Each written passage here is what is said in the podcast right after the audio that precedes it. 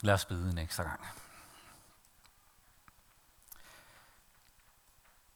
Ja, Jesus, lad, lad budskabet om dig, dit liv, din lidelse, din død og opstandelse, din barmhjertighed,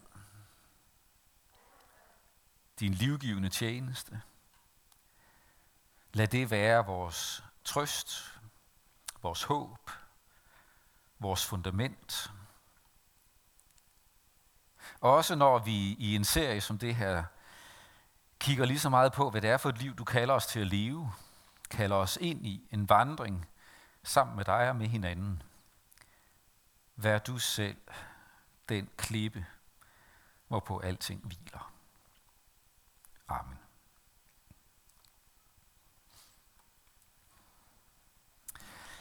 I søndags, der præsenterede jeg sådan meget kort for et øh, begreb, som blandt andet Christian Hjortkær bruger i bogen Utilstrækkelig. Nemlig det, han kalder for en idealkultur. Og øh, bare, bare lige et, et trin længere ned i den der tænkning, for jeg synes, det er så afslørende for vores tid og berigende for, for tankegangen. Han siger, hvis vi nu skal være sådan lidt grov ved en bog, og så sammenfatte to-tre kapitler i en linje, så siger han strengt taget, at vi har bevæget os fra en forbudskultur til en påbudskultur. Eller sagt på en anden måde, fra en kultur, som var meget bestemt af, at der var rammer og regler. Man vidste, hvad man måtte, og hvad man ikke måtte. Nogen siger det sådan, at i gamle dage var der rigtig meget, børn ikke måtte. Nu til dags er der ingenting, de ikke må, til gengæld er der utrolig meget, de skal og bør. Men den der bevægelse fra en, en rammekultur, en forbudskultur, hvor vores bedste forældre levede i det tilladtes territorium. Man var sat et sted i livet, og det var meget tydeligt, at her er dine rammer. Det er inden for det her, du forventes at udfolde dig. Du forventes at leve sådan her, leve efter de her normer, Måske var der endda forventning omkring, hvad uddannelse man skulle tage, fordi man var ud af den slægt osv. Der var nogle meget klare rammer, regler for, hvad der var tilladt, og hvad der ikke var tilladt. Og den slags regler kan jo give, kan jo give en tydelighed, som gør det trygt at navigere. Man ved, hvad der forventes af en. Og med mindre man bryder det, jamen så er det egentlig okay. Du er bare dig, og det er okay, når bare du ikke bryder reglerne. Selvfølgelig kan det blive rigidt. Det kan blive livsindsnævrende, sådan så man simpelthen ikke kan trække vejret i det, fordi rammerne bliver sat så snævert, at man ikke kan bevæge sig. Og så må man jo overveje, at det er tid at gøre oprør mod reglerne. Bryde noget af det og sige, jeg har brug for at trække vejret frit.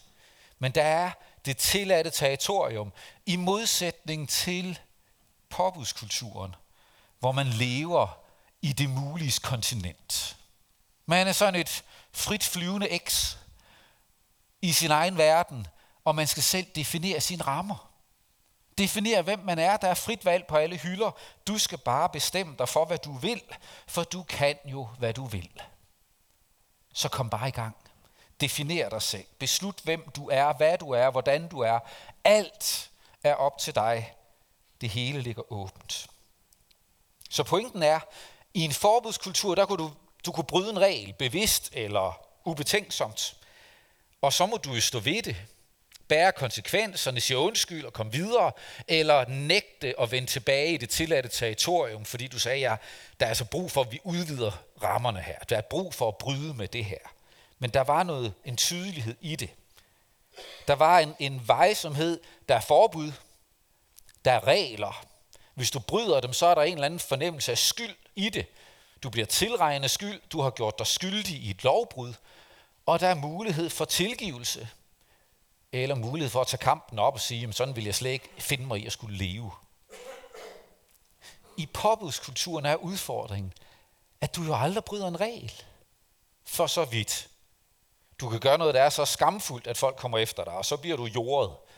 Men grundlæggende, så er det jo ikke, fordi du har brudt en eller anden regel, som andre havde sat for dig. Så følelsen af skyld bliver aflyst af noget andet. Forbudene bliver aflyst af påbud. Du skal sørge for at udvikle dig selv. Du skal være positiv. Du skal uddanne dig. Du skal holde alle døre åbne. Du skal bruge den bedste dør at gå ind af. Du skal sørge for at tage den rigtige uddannelse, få nok indtægt, se rigtig ud, være økologisk, være engageret, være... Du skal det hele. Påbud. Der er en række idealer, du skal stræbe efter, og problemet med idealer er, ja, med regler, dem kan du bryde. Idealer, dem, du bryder ikke et ideal. Du kæmper bare hele tiden for at opnå noget uopnåeligt, fordi det er jo netop et ideal. Så når du ikke kan nå det, jamen så er konsekvensen ikke egentlig skyld, men en skamfølelse. En følelse af aldrig at slå til, ikke at være nok. Og hvor går man så hen med skammen? Tilgivelsen, der kunne man jo sige undskyld. Eller skylden kunne man sige undskyld for at bede om tilgivelse. En skam er først og fremmest med rod i mine egne forventninger eller nogle udefinerede følelser af forventninger fra samfundet og omgivelserne. Og hvor går jeg så hen med den? Der er jo ikke nogen, der kan råde bud på det. Man bliver fanget der.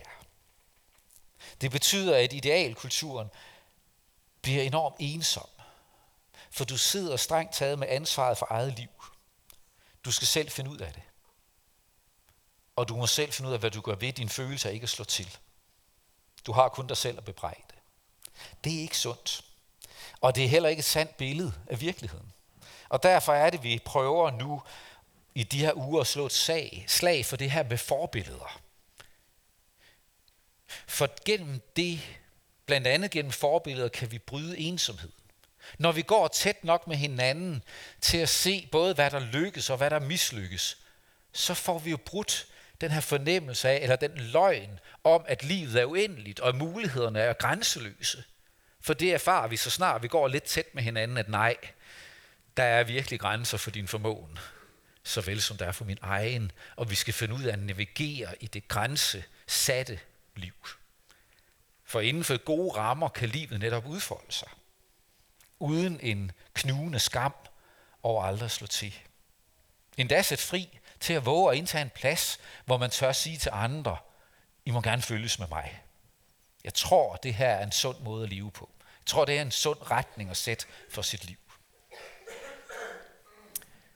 Men som nævnt indledende, sporene kan skræmme. Vi kan have så dårlige oplevelser med forbilleder, og ingen af os er jo perfekte. Det er rigtigt. Og alt for ofte er det jo sket gennem historien, at nogen har fået et forbilledeligt karakter, hvor vi næsten har ophøjet dem til ideal. De er blevet så stærke ledere, de har fået så stor indflydelse på vores liv, og hvis så det viser sig, at de ikke var det værd, at de faldt, eller at det hele pludselig krakelerede, så gør det så ondt. Vi har set alt for ofte markante ledere falde til jorden med et brag, også kirkeligt.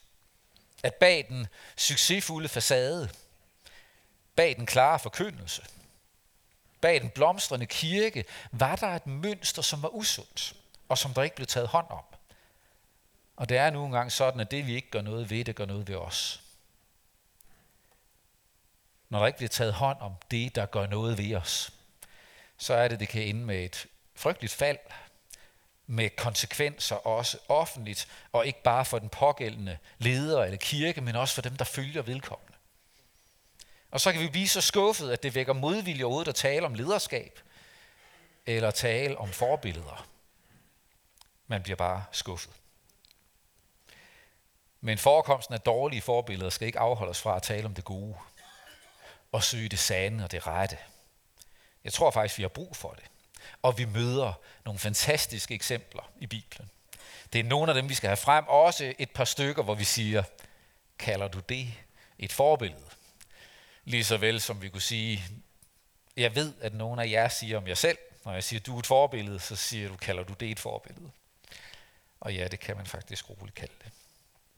Så nu skal vi læse et stykke af Paulus' brev til menigheden i Rom. Kapitel 4 har overskriften Abraham, far til alle troende. Det har et vis forbilledeligt præg over sig, ikke? Far for alle troende over hele verden, gennem hele historien. Det er ham, han skriver om. Og så fremhæver Paulus Abrahams tro som en tro, vi alle sammen læner os ind i og læner os opad. I må gerne rejse op, og så læser vi fra kapitel 4 i Romerbrevet. Abraham er far til os alle, sådan som der står skrevet, jeg gør dig til far for mange folkeslag. Far over for Gud, som han troede på. Gud, som gør de døde levende og kalder på det, der ikke er til, så det bliver til. Med håb imod håb troede han, at han skulle blive far til en mængde folkeslag, som det var sagt ham. Så mange skal dine efterkommere blive.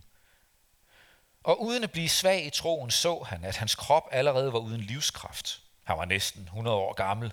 Og at Saras moderliv var dødt. Og han tvivlede ikke i vantro på Guds løfte. Han blev tværtimod styrket i troen og gav Gud æren, og var fuldt overbevist om, at det, som Gud har lovet, har han også magt til at gøre. Og derfor blev det regnet ham til retfærdighed. Amen.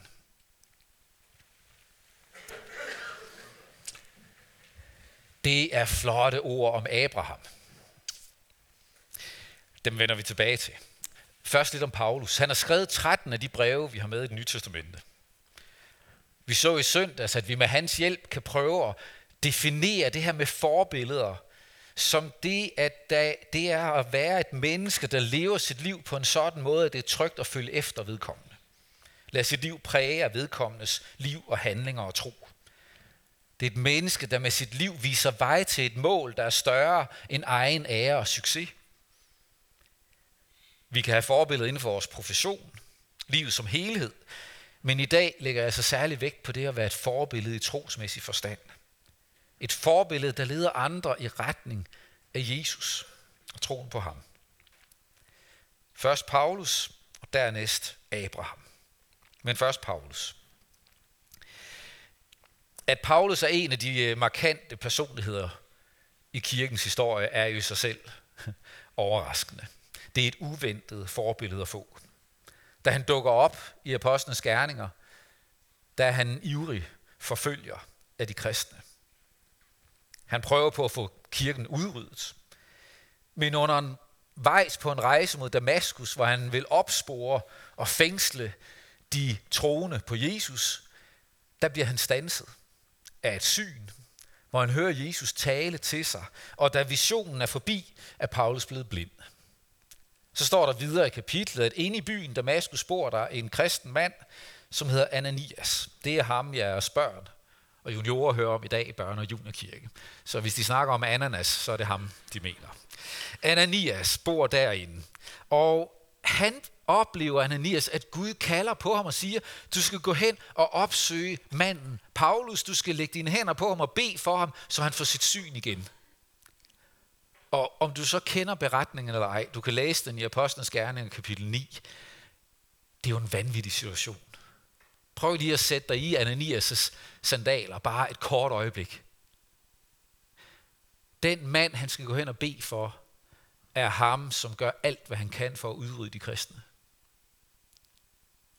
Det er ham, der har fået kristne smidt i fængsel. Det er ham, der har medvirket til at få kristne henrettet for deres tro på Jesus.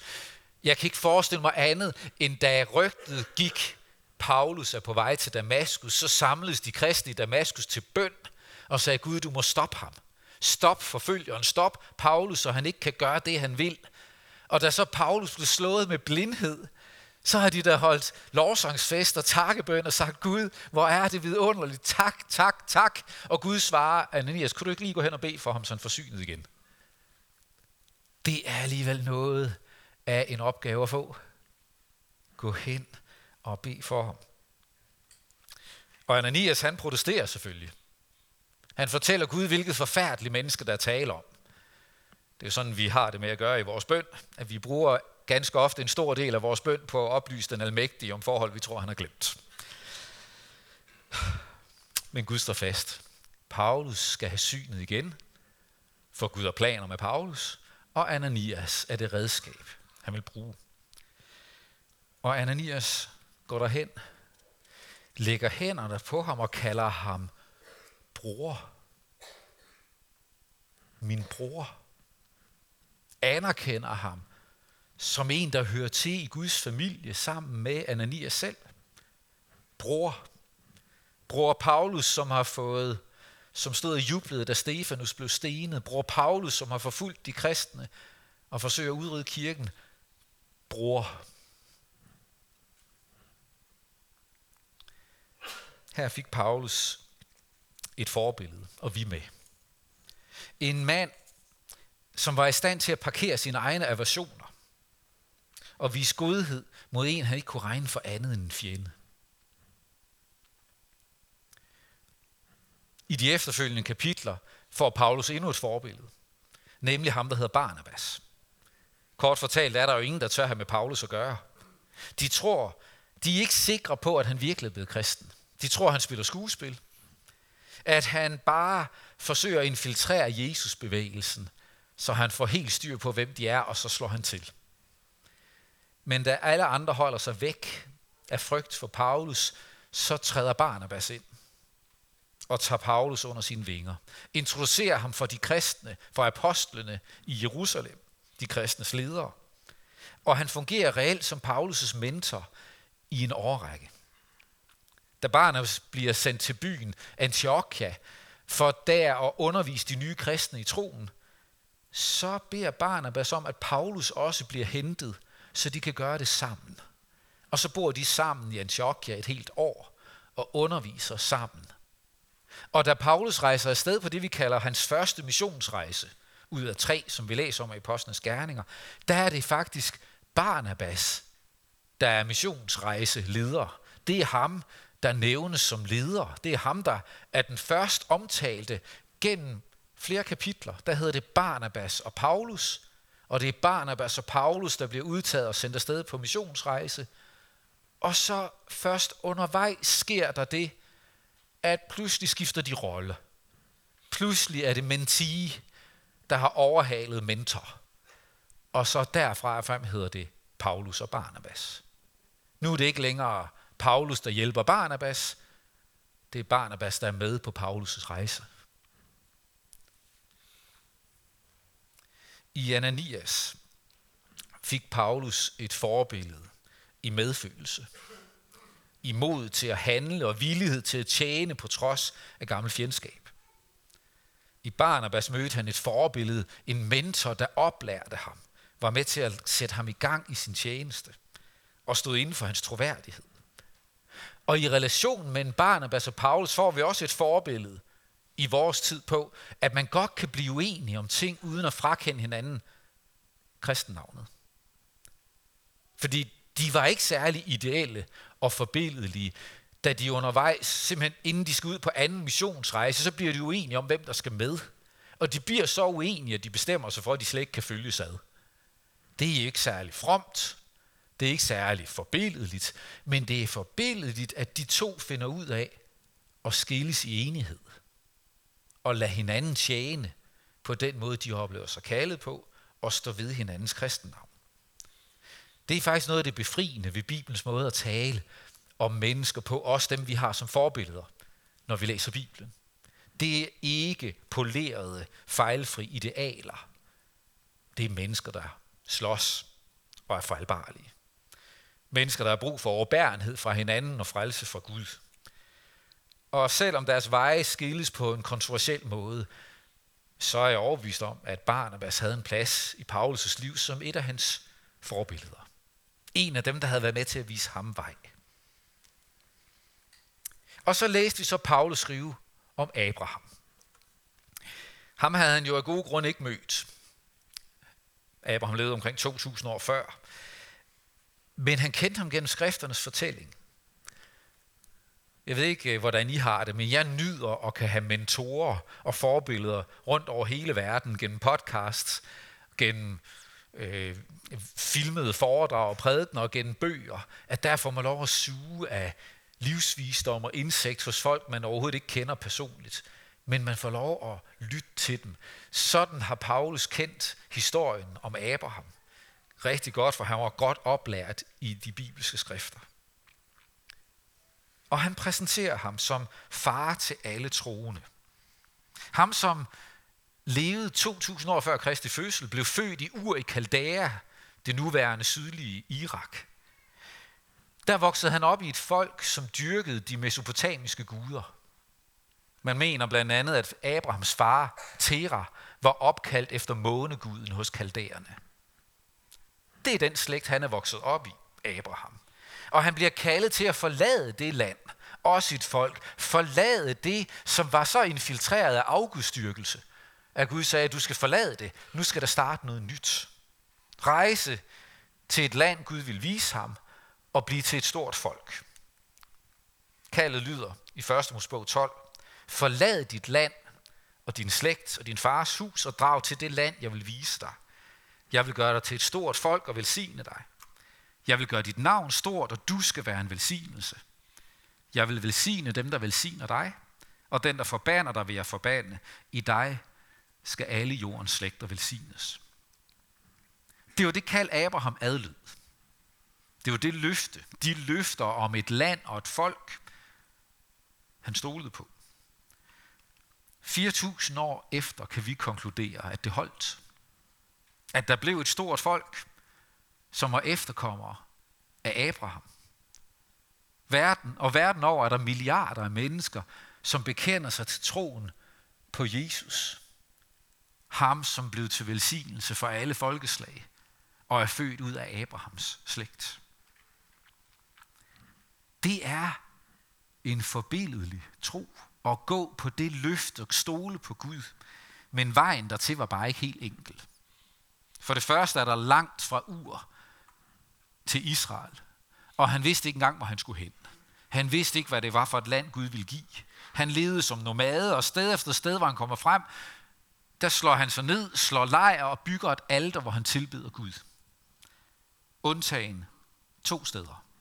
To gange i beretningen i første Mosebog undlader Abraham at bygge et alter. Og begge gange, begge gange roder han sig ud i noget værre røvl. For han lyver om Sara. Han kalder hende for sin søster i stedet for sin kone, fordi han er bange for, at Sara i al sin dejlighed vil friste den lokale magthaver til at tage hende som kone, og så få Abraham slået ihjel. Og derfor lyver han om hende. Og det er her, vi ser noget af det smukkeste ved os mænd. Det er faktisk sådan, at langt de fleste af os, når I går os på klingen, så ved vi godt, at vi er gift langt over niveau. At det overhovedet ikke er rimeligt, at vi har scoret så godt. Vi ved det godt. Og, og derfor så ligger den her tanke snublende der. Hår, alle andre må være helt vild med hende, fordi det er jeg. Det er et smukt karaktertræk. Men at, men at navigere med det som Abraham, den holder ikke. Man skal ikke lyve om det. Lyve om hende. Begge gange så bliver der store problemer, og Abraham må bekende sin skyld, og så må han rejse videre, så må han bygge et alter på ny, eller vende tilbage til et tidligere alter, for at genopleve relationen til Gud. Det var en lang rejse, og han levede som nomade, strengt taget hele sit liv. Og derudover så trak det ud med at få en arving. Det trækker ud, så længe han er ved at miste mod. I kapitel 15 står der, at Gud gentager løftet om, at han er med Abraham og velsigner ham, og Abraham udbryder, hvad, herre, hvad kan du give mig, når jeg må gå barnløs bort? Altså Gud, alle dine fine ord, de er jo ingenting værd, hvis ikke jeg får en arving. Og kapitlet efter er det, at Sara og Abraham beslutter sig for at hjælpe Gud lidt på vej. Og så foreslår Sara at tage min slave her, Hagar, som medhustru, få en søn sammen med hende, og så har vi det på plads, og det gør, at Abraham siger, okay, så pyt da. Og så tænker de, nu er den hjemme, nu har vi en, nu har vi en arving på plads. Og så er det, at Gud kommer til ham i kapitel 17, som vi hørte læst op før, og siger, nej, det er ikke Ismael, der er den lovede søn. Det var ikke det, der var min plan. I skal få et barn, og jeg kan huske sådan fra min barndom, og jeg kan huske, hvordan vi ofte har lagt mærke til Sara, som på et tidspunkt står inde bag teltåbningen og griner og siger, nej, det er da for meget, det de siger derude. Det kan jeg godt huske. Men, men lag I mærke til, at der gør hun faktisk bare ligesom Abraham. Og Abraham, han står ikke bare lidt diskret og griner for sig selv. Han kaster sig til jorden og grin. Han kastede sig til jorden og lå og sagde, ah Gud, det, det kan ikke lade sig gøre. Vi er for gamle til den slags. Kan du ikke bare lade Ismail være løftet søn? Men Gud holder fast. Siger, Nej, Abraham, jeg vil gøre det sådan her. Der var mange bump på vejen, og alligevel så læste vi Paulus' beskrivelse. Uden at blive svag i troen, så han, at hans krop allerede var uden livskraft, og at Saras mor var dødt, moderliv var dødt. Han tvivlede ikke i vantro på Guds løfte. Han smed sig til jorden og skreg af grin. Og han var fuldt overbevist om, at det, som Gud har lovet, har han også magt til at gøre. Det er sådan lige på kanten til at være en historie for man tænker, hvad? Er vi ude i sådan en, øh, et poetisk skønmaleri, så vi siger, når vi læser, hvad Paulus skriver, så skal vi ikke regne med det. Kendte han overhovedet ikke historien? Jo, han kendte det ganske udmærket. Men lad os lige prøve at tage en lille omvej på det. Fordi han begiver sig ikke ud i en eller anden cancel culture, hvor han siger, vi skal lige have slettet nogle kapitler i skriften. Vi skal lige have, have, have redigeret lidt i historien, fordi det der, det kan, vi ikke, det kan vi ikke stå indenfor. Sådan kan man ikke handle. Så det er vi selvfølgelig nødt til at fjerne og lade, som om aldrig har fundet sted. Nej. Skriften er, som den er. Bibelens historie er, som de er, og Paulus kendte dem fuldt ud. Men måske er det bare sådan, trosforbilleder tager sig ud at det ikke er idoliserede idealer. Fejlfri og pletfri. Men ægte mennesker, der lever et ægte menneskeliv, og det til trods ender med at være nogen, vi kigger tilbage på og siger, sådan der, det liv har vidnet for mig. Det liv har været med til at lede mig til Kristus. Det liv har været med til at lede mig til tro. De lærte mig noget. I søndags der opfordrede jeg til, at I skulle tage og sende en hilsen eller skrive et brev til nogen, som har været forbilleder for jer. For nogle år siden skrev jeg sådan et brev. Og da jeg mødte brevets modtagere noget tid efter, så sagde de jo noget i retning af, det var godt nok pænt af dig, Peter. Og det, det, men Peter, det var alt for, det var alt for meget. Det var, sådan, sådan, sådan var det jo slet ikke. Der er så meget, du slet ikke ved. Og, og det var jo slet ikke så helt støbt. Og, og hvor jeg bare sige, nej, det ved jeg da godt. Jeg ved da godt, at hele jeres liv ikke bare var et stort lysende Kristus vidnesbyrd. Jeg ved godt, at I har kæmpet med livet. Ikke fordi jeg har været blandet ind i det, men fordi sådan er livet. Det ved jeg godt. Men jeg vil bare gerne lade jer vide, at I mødte mig på en måde, som gav mig et frirum til at være et ung menneske og bevæge mig fra barnetro til ungdomstro. At I gav mig et sted, hvor jeg turde være mig, og hvor jeg turde lære om Jesus, og turde lade Gud komme tæt på. Det var I med til at gøre med den måde, I var på. Midt gennem alt det andet, så er det det, jeg husker jer for. Det er det, I har tegnet for mig. Det er det billede, I har malet. Jeres liv har malet. Ikke fordi I gik og skjulte ting, men fordi I bare levede et ægte liv, og lod mig få lov at se noget af det.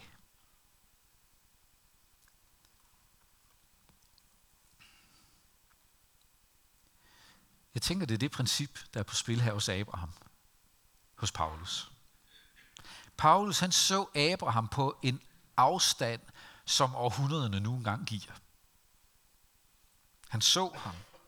Han kendte hans historie, og så skrev han som konklusion en opsummering af det liv, som Abrahams liv som helhed tegnede og sagde, her er et menneske, som midt gennem mange kampe og udfordringer forblev et troende menneske afhængig af Gud. Her var der et menneske, som kendte til kampe og tvivl og nederlag, og nogle gange traf dårlige beslutninger, men som når han faldt, så faldt han tilbage i troen på Gud, vendte tilbage til sit alter og tilbad Gud og bad om at blive vist vej på ny.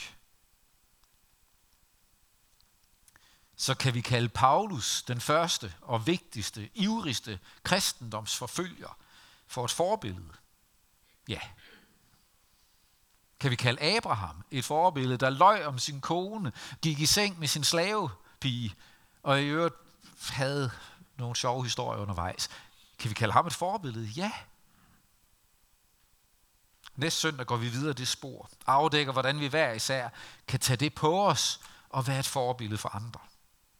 Fordi vi har netop brug for de nære forbilleder. De små forbilleder. Hvis vi kun har de store og offentligt kendte, så sker der jo det, at når de falder, så bliver vi fortvivlede, fordi vi havde kun de der store idealer som pejlemærker. De idealer, vi har tæt på. De forbilleder, vi har tæt på. de modellerer på en helt anden måde et liv gennem både succes og fiasko. Der, hvor det lykkes, og der, hvor vi fejler, og ser, hvordan er det så, man lever videre midt gennem det alt sammen i en tro på Gud. Mere om det om en uge. Men tre læringer fra Abraham. Tre ting, Abraham lærer som forbilleder. For det første lærer vi, at du er mere end din fortid. Du er mere end din historie. Du er mere end din familie. Du er mere end din opvækst.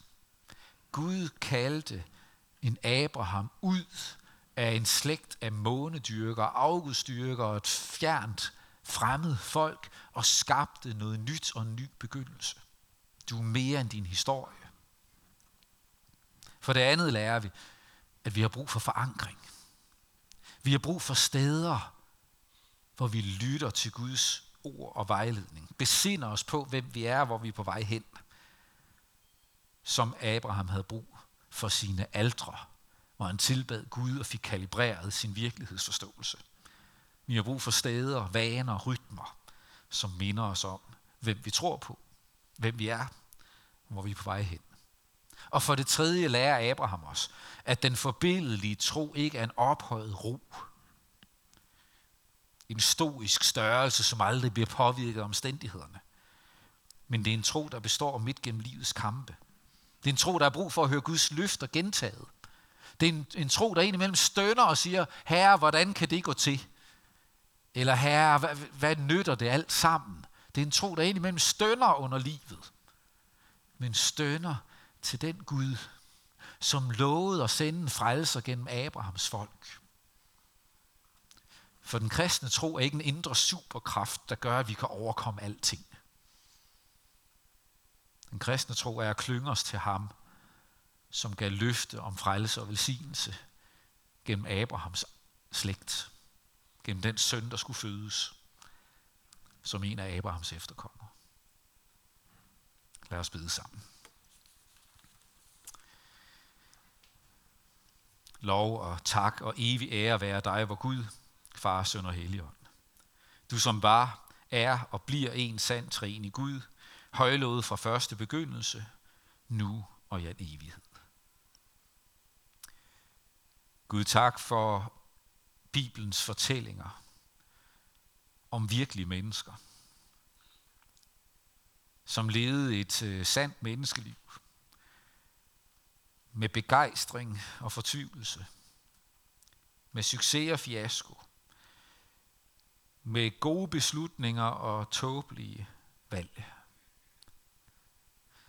Tak, at du lader os kende Abrahams historie, ikke kun i et glansbillede udgave, men også i mindre detaljer. Tak, at vi ved om Paulus, og også hvordan du kaldte ham til tro ud af et liv, hvor han forfulgte din kirke. Tak, at de står som eksempler på mennesker, hvis liv blev forandret gennem mødet med dig, og deres liv som helhed i bagspejlet bliver til et stort vidnesbyrd om, hvem du er og hvad du formår. Giv os tillid til, at du på samme måde kan bruge os. Ikke gennem et liv som idol og fejlfri, idealstræber, men som et ægte menneske, som gennem vores rytmer, vores steder, vores hellige steder, søger dig, og lad dig få lov at tale til os og vise os vej, så vi må leve med dig for øje, drevet af dit ord, drevet af din kærlighed, din passion, for at mennesker må lære dig at kende og få del i frelsen, som du har givet os i Jesus. Hjælp os til at leve det liv.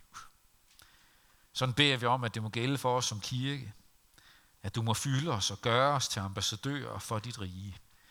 Hjælp os til at behandle mennesker omkring os ordentligt. Hjælp os til at møde hinanden med omsorg.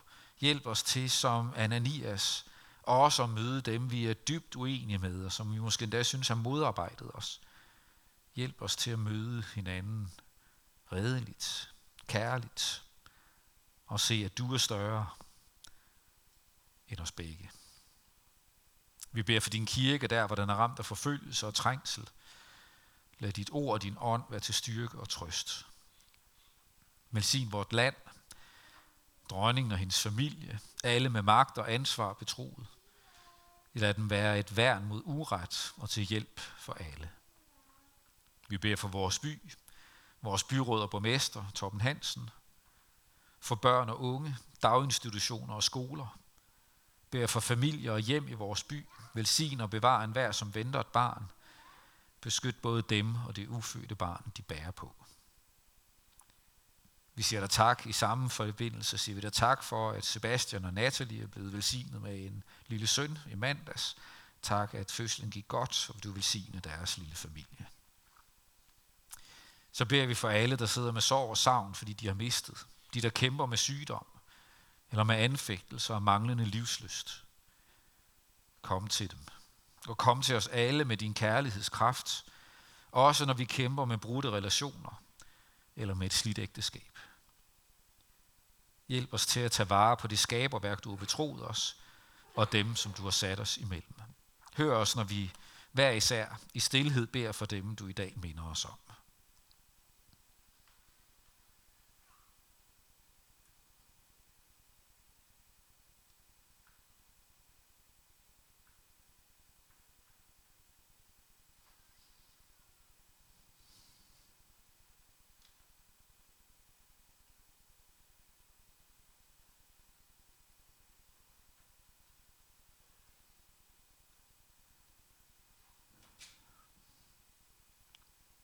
Bevare bevar os hos dig. Lad os samles i dit rige, når du nyskaber himmel og jord. Indtil der beder vi om, at vi må få lov at være mennesker, der viser vej til dig. At der må være mennesker også i vores by og vores nære omgivelser, som kommer til tro på dig og lovpriser Abrahams Gud.